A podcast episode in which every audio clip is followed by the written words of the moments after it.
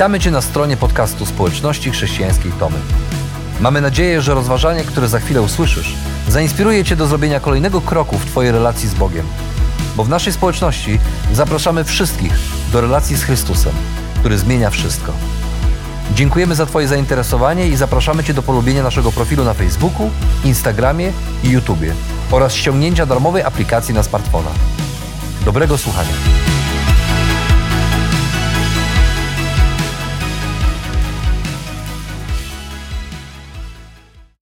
Czasem w przedszkolu, w świetlicy, czy chociażby na obozach w zakościelu gramy z dziećmi w głuchy telefon.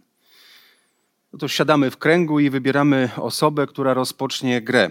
Wymyśla ona słowo albo zdanie i na ucho szepce je kolejnej osobie. Ta zaś w taki sam sposób następnej osobie przekazuje to, co przed chwilą usłyszała. Ostatnia zaś z osób wstaje i głośno powtarza zdanie, które usłyszała. I zabawa polega na tym, że y, osoba, która przekazuje zdanie, może to zrobić tylko raz, a to sprawia, że bardzo często to zdanie zostaje stopniowo zniekształcone i jego końcowe brzmienie jest zupełnie odmienne od tego, które brzmiało pierwotnie. I tak na przykład zdanie, które na początku brzmiało Arek był na nowej karuzeli, na końcu brzmi Arkowe głowę ucięli. Brzmi podobnie, ale jakże odmienna treść. Prawie nigdy się nie udaje, aby ostatnie dziecko dokładnie powiedziało to, co usłyszało, usłyszało pierwsze. Zawsze pada coś innego. Podobnie e, bywa w życiu. Pewna informacja powtórzona przez ileś osób z czasem może zmienić swoją treść, a nawet obrócić się w swoje kompletne przeciwieństwo. Tak na przykład działa plotka, pomówienie czy kłamstwo. Zniekształceniu może też ulec przekaz historyczny. Wystarczy chociażby zupełnie niechcący powiedzieć zamiast niemiecki albo nazistowski, a polski obóz zagłady, a zdanie to powtarzane przez kolejne osoby powiela kłamstwo i zaburza przekaz historyczny. Z podobnym zniekształceniem prawdy mamy też do czynienia, gdy chodzi o obraz Boga. Czasami możemy odnieść wrażenie, że dobra nowina o Jezusie po dwóch tysiącach lat, przesiana przez sito historii, uwarunkowań kulturowych, etnicznych, społecznych, czy przez tradycję, przedstawia prawdę o Bogu trochę inaczej niż robił to Jezus, ewangeliści czy apostołowie, czy prorocy. A wyrazem tego jest karykaturalny, wręcz infantylny obraz Boga zakorzeniony w umysłach dorosłych, którzy nie czytali Jego słowa i wciąż dla nich ten Bóg jawi się jako Bozia, dziadek z brodą, złota rybka spełniająca życzenia, czy, czy surowy egzekutor kar czekający na nasze potknięcia. A nigdzie nie widać tego bardziej jak podczas świąt Bożego Narodzenia. Oto z przekazu ewangelistów wiemy, że że Bóg rodzi się jako człowiek, a znakiem tego niezwykłego wydarzenia, które przekracza nasze ludzkie wyobrażenie, jest dziecko złożone w betlejemskim żłobie. A tymczasem po dwóch tysiącach lat widzimy, że ktoś tu chyba grał w głuchy telefon, bo z obrazu Boga, który stał się człowiekiem, wyłania się zaledwie e, świąteczny porcelanowy Jezusek, który może, ale niekoniecznie musi być dodatkiem do, do o wiele ważniejszego wydarzenia w tym czasie, na przykład tak zwanego Winter Holiday, zimowego święta, w którym kolorowa choinka, biesiada przy świątecznym stole, prezenty, zdrówko i pieniążki jako najważniejsze w świątecznych życzeniach, czy romantyczne historie w świątecznej oprawie płynące z kanału Netflixa są dobrą okazją do tego, by odpocząć od codziennej szarości. I być może dlatego czasem powszednieją nam święta. Patrząc więc na teologiczną perspektywę tamtych wydarzeń, widzimy że wyłania się z niej zupełnie inny obraz Boga niż ten, który wylewa się z ekranów telewizorów czy świątecznych reklam. Jeśli więc czasem powszednieją nam święta, to myślę, że jesteśmy w dobrym miejscu i w dobrym czasie, by, by zadać to pytanie: kim, kim naprawdę jest to dziecko złożone w betlejemskim żłobie? Pisali o nim prorocy, opisując wydarzenia, które miały nadejść. Pisali o nim ewangeliści, którzy opisywali już to, co się wydarzyło. Również apostoł Paweł, przyglądając się temu dziecku, napisał o nim. Napisał o nim, ale już z perspektywy kilkudziesięciu lat po jego narodzinach, śmierci, zmartwychwstaniu i w niebowstąpieniu. Bo choć kilkadziesiąt lat, choć minęło tak niewiele czasu, okazało się, że już wtedy prawda o Jezusie była zniekształcona, jak to ostatnie zdanie wypowiedziane przez dziecko w zabawie w głuchy telefon. Zatem dzisiaj zechciejmy posłuchać, co o tym dziecku napisał również apostoł Paweł. A on napisał tak. On jest obrazem niewidzialnego Boga, praprzyczyną wszelkiego stworzenia, ponieważ w nim zostało stworzone wszystko, w niebie i na ziemi. To, co widzialne i niewidzialne, trony oraz rządy, zwierzchności i władze, wszystko zaistniało przez Niego i dla Niego. On sam jest przed wszystkim i w nim trwa wszystko razem połączone.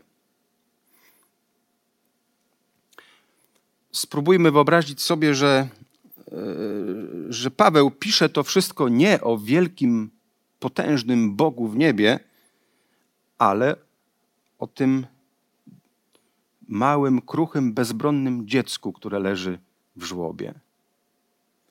Kogo Paweł widzi w tym dziecku? Słyszeliśmy, że to małe, bezbronne dziecko to Bóg i praprzyczyna wszelkiego stworzenia. Co to oznacza? To znaczy, że On był, On był zanim wszechświat powstał, zanim powstał cały kosmos, słońce i księżyc na niebie i gwiazdy, wszystko, co jest przedmiotem badań astronomów, fizyków, matematyków czy biologów. On był, zanim powstała ziemia i morze i wszelkie życie na ziemi, w powietrzu i pod wodą.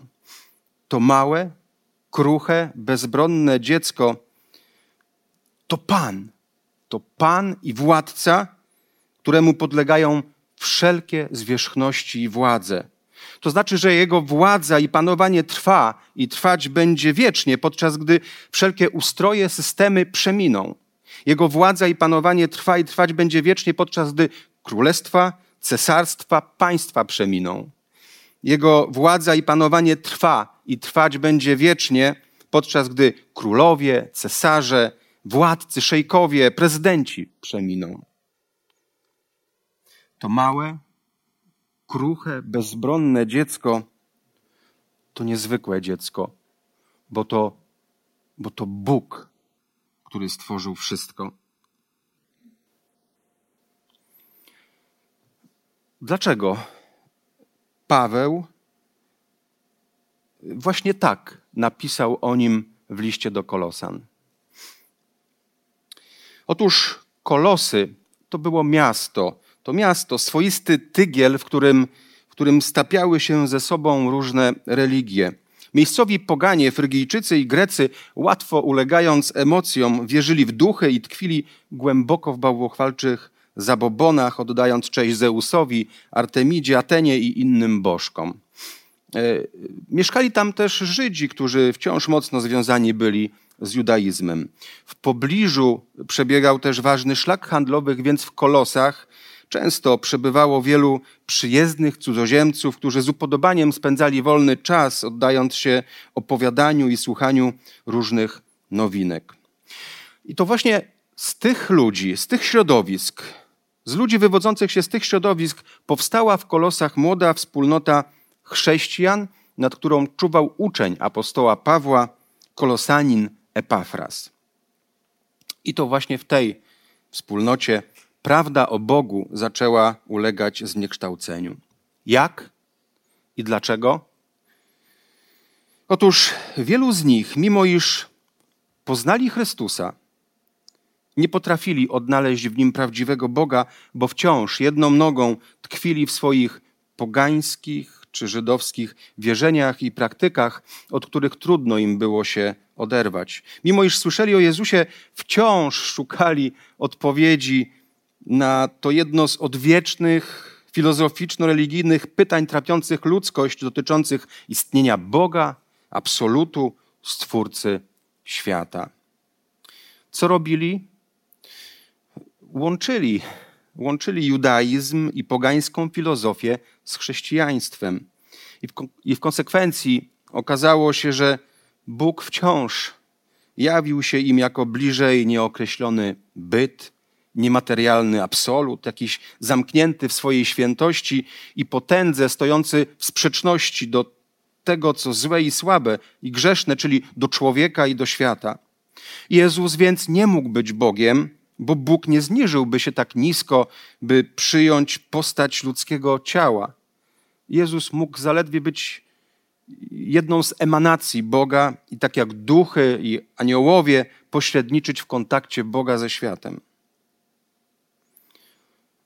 To było efektem tego pomieszania, pomieszania różnych religii, filozofii, nowinek ze świata. A być może i w Twojej świadomości to małe dziecko w betlejemskim żłobie wciąż niekoniecznie oznacza jedynego i prawdziwego Boga, tego, którego zapowiadali prorocy i o którym opowiadali ewangeliści. Być może wciąż jesteś, jesteś rozdarty pomiędzy różnymi obrazami Boga i wciąż nie potrafisz oderwać się od tego dziadziusia na chmurce, myśląc, że wiara i duchowość to jedynie sfera kultury i sztuki. E, dobrze poinformowanego tyrana, którego trzeba się bać, bo zsyła choroby i cierpienia.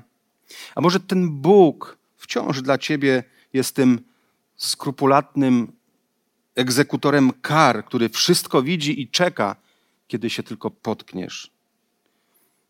A może ten Bóg to, to wciąż jakaś niedostępna, obojętna idea, jakiś zlepek energii, niezainteresowany światem i Twoim ślepym człowieczym losem.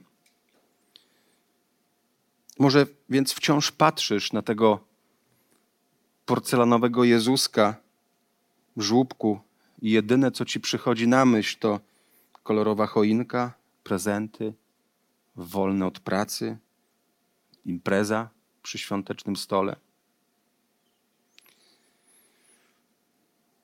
Jeżeli tak, to wiedz. To wiedz, że tak jak do Kolosan, tak i do ciebie. Apostoł Paweł pisze, że to małe dziecko w betlejemskim żłobie to władca wszechświata, początek i stwórca wszystkiego, co widzialne i co niewidzialne.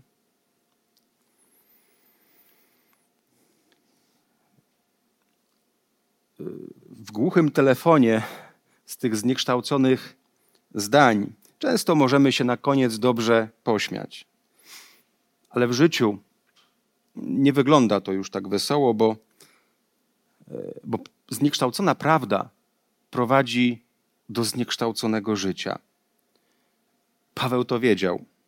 Wiedział, że konsekwencją zniekształconego obrazu Boga jest zniekształcone życie, jest zniekształcona relacja z Bogiem, z ludźmi, którzy żyją wokół nas i ze światem, w którym żyjemy. I dlatego dalej Paweł pisze tak. Posłuchajmy. On też jest głową ciała Kościoła.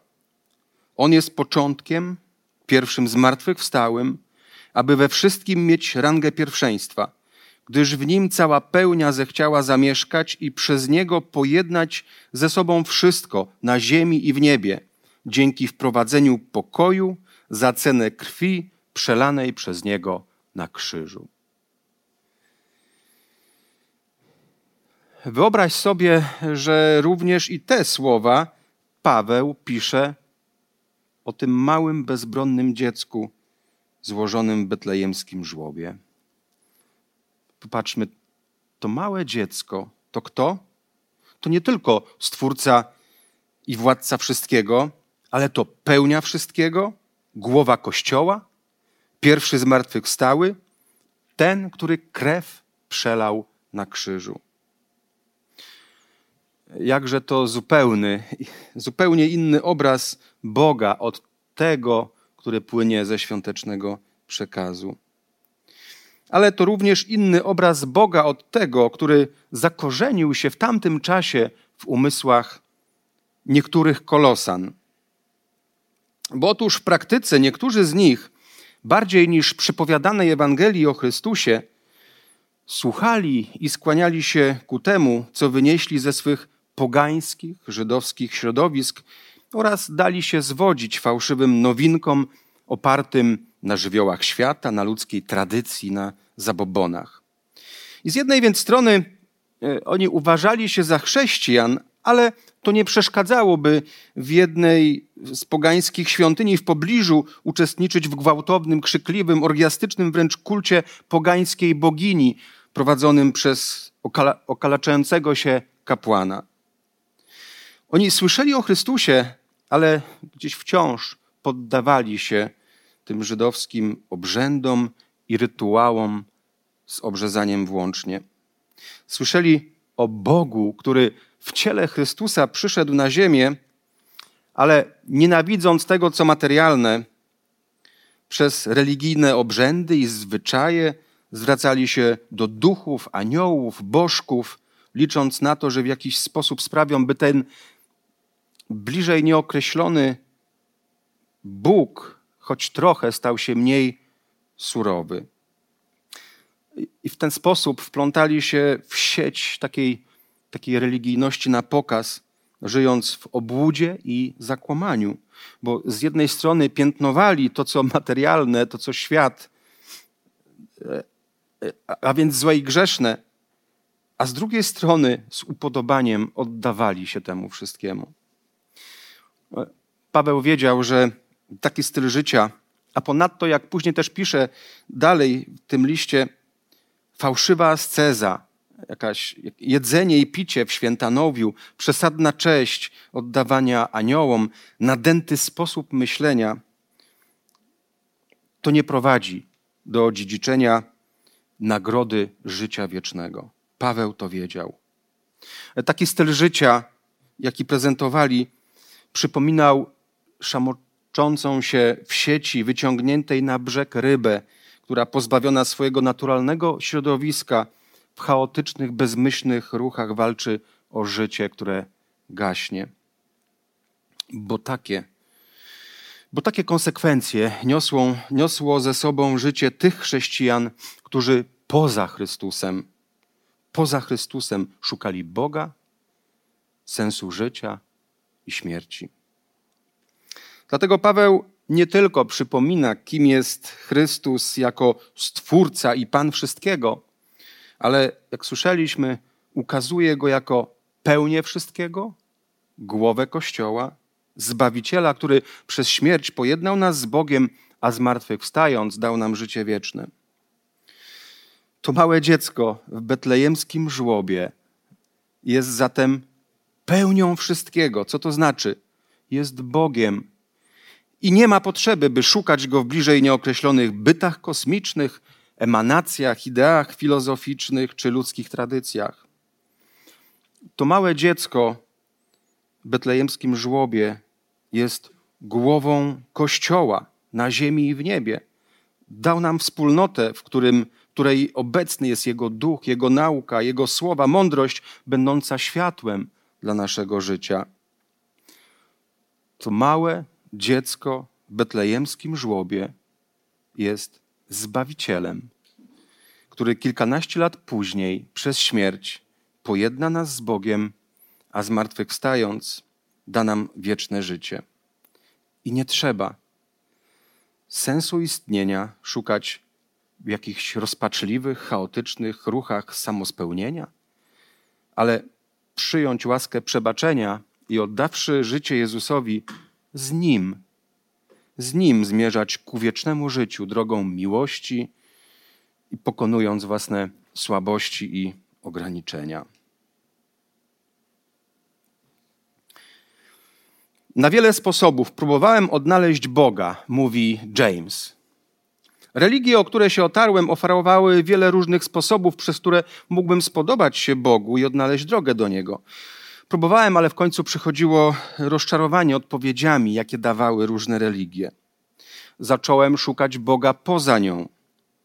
Myślałem, że odnajdę go w nauce, w filozofii, w sztuce.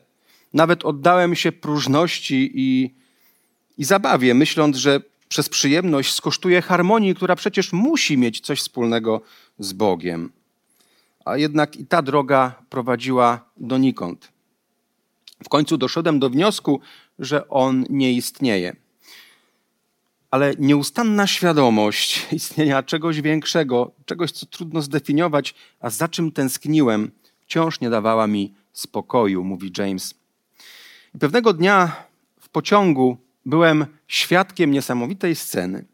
Oto w tym samym przedziale tata podróżował z dwójką swych małych dzieci. Gaworzyli, dzieci tuliły się do ojca, a w pewnym momencie tata odebrał telefon i na chwilę wyszedł z przedziału, wciąż mając na uwadze swoje dzieci. E, a w tym czasie te dzieci pokłóciły się ze sobą i chłopczyk uderzył swoją siostrzyczkę. Tata, widząc tę sytuację, wszedł z powrotem i i dziewczynka rzuciła mu się w objęcia, szlochając, opowiadała, co zaszło. Tata spojrzał na chłopca, ale ten wzdrygnął się i szybko usiadł w kącie przedziału, przedziału wpatrując się w podłogę. A w końcu tata przysiadł się do niego, ale ten dalej wpatrywał się w podłogę i wciąż unikał spojrzenia. A w końcu tata zaczął z nim rozmawiać, i taką odbył rozmowę pełną miłości, ale też sprawiedliwie oceniając to, co się wydarzyło. A potem chłopiec e, ze łzami w oczach wtulił się w tego tatę i powiedział cichutko: Przepraszam, tatusiu. A potem za chwilę przytulił swoją siostrzyczkę. A potem dalej, wtuleni w siebie, gaworząc, kontynuowali swoją podróż. I opowiada James, po tym zdarzeniu nie mogłem nie włączyć się w rozmowę z tym panem. Okazało się, że to był wierzący człowiek, więc opowiedziałem mu moją historię yy, z poszukiwaniem Boga. A on, odnosząc się do tego zdarzenia ze swoim synem, powiedział: bo problem, bo problem nie polega na tym, że Boga nie ma albo on nie chce nam dać się odnaleźć. Problem leży po naszej stronie. Tym problemem jest zło, które czynimy. Jeśli szczerze spojrzysz na swoje życie, na pewno zauważysz kilka rzeczy, o których należałoby uczciwie powiedzieć, że nie spodobałyby się Bogu. Tak jest z każdym z nas. I to właśnie oddziela nas od Boga i sprawia, że znalezienie Go jest często tak bardzo trudne. A potem mówi James, ten pan, opowiedział mi Ewangelię. I wtedy zrozumiałem, że zło, które popełniamy, ma swoje konsekwencje. Chyba, że chyba że ktoś inny z własnej woli zgodzi się je ponieść. Zgodzi się przyjąć oddzielenie od Boga, na jakie my zasługujemy z powodu tego, jak postępujemy. Zgodzi się na wszystko, włącznie ze śmiercią. Oczywiście żaden człowiek nie jest nie zrobiłby tego, nie jest do tego zdolny. Może to zrobić tylko Bóg. I Bóg rzeczywiście to zrobił. Jako człowiek, Jezus z Nazaretu przyszedł na ziemię po to, aby pozwolić nam go poznać. Jego śmierć na krzyżu to przyjęcie na samego siebie całkowitej kary za wszystkie zło, jakie popełniliśmy, i dlatego nie musimy już płacić jej drugi raz sami, naszym oddzieleniem się od Boga. I James na koniec powiada, widząc to, co się wydarzyło w tym przedziale między tatą a jego synkiem, nie mogłem nie uwierzyć w to, co mi powiedział. A to później powoli pozwoliło mi wreszcie odnaleźć i bez przeszkód przyjść do Boga. I dlatego też apostoł Paweł w tym krótkim i być może na początku dzisiaj trudnym do zrozumienia wywodzie, jakby takim teologicznym, napisał, że, że to małe dziecko w betlejemskim żłobie to Zbawiciel. Zbawiciel, który przez śmierć pojednał nas z Bogiem i zmartwychwstając dał nam życie wieczne w Kościele, którego jest głową.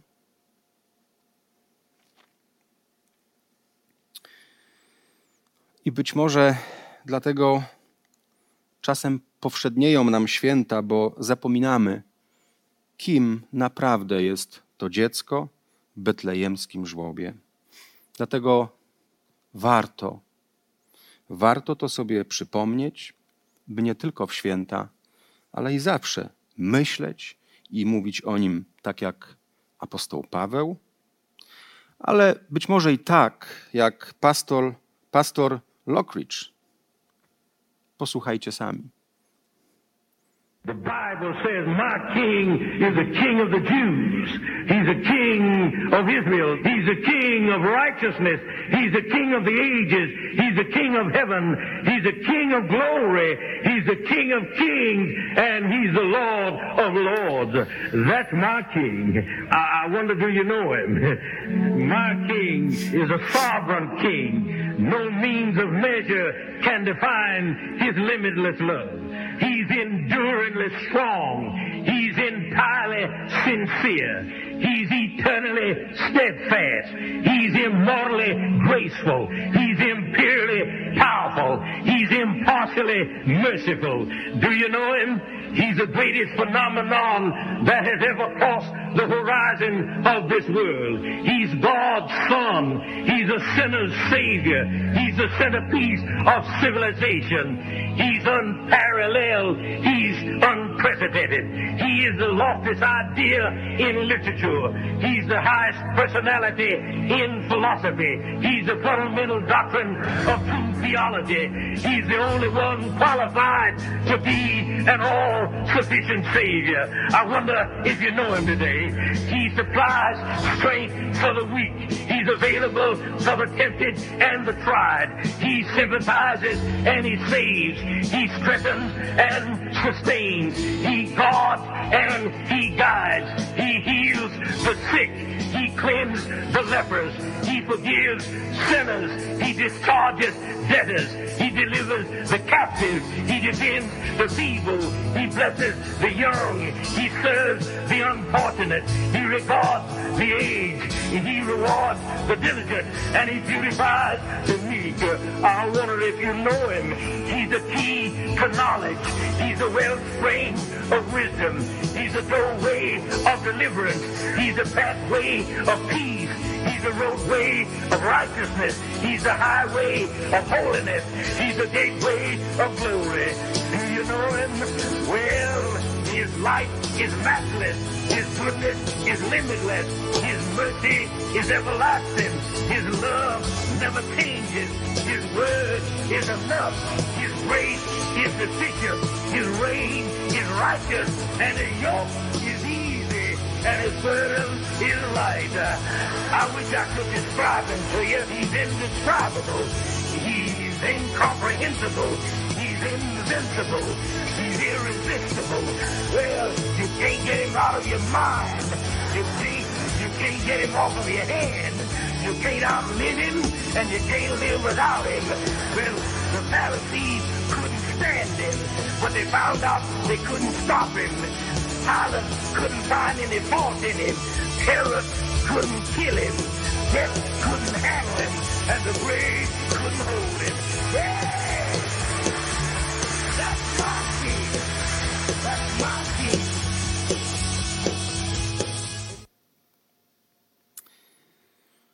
O takim Jezusie leżącym w betlejemskim żłobie nie sposób mówić bez zachwytu, pasji i uwielbienia. Zatem, jeśli wierzysz, że to nie Jezusek w świątecznej oprawie i atmosferze romantycznych produkcji Netflixa, to tak jak pastor Lockridge, tak jak apostoł Paweł, w zachwycie, z pasją i z uwielbieniem, świętuj, świętuj i ogłaszaj, że to małe dziecko w betlejemskim żłobie to Jezus. To Jezus, król wszechświata i zbawiciel człowieka.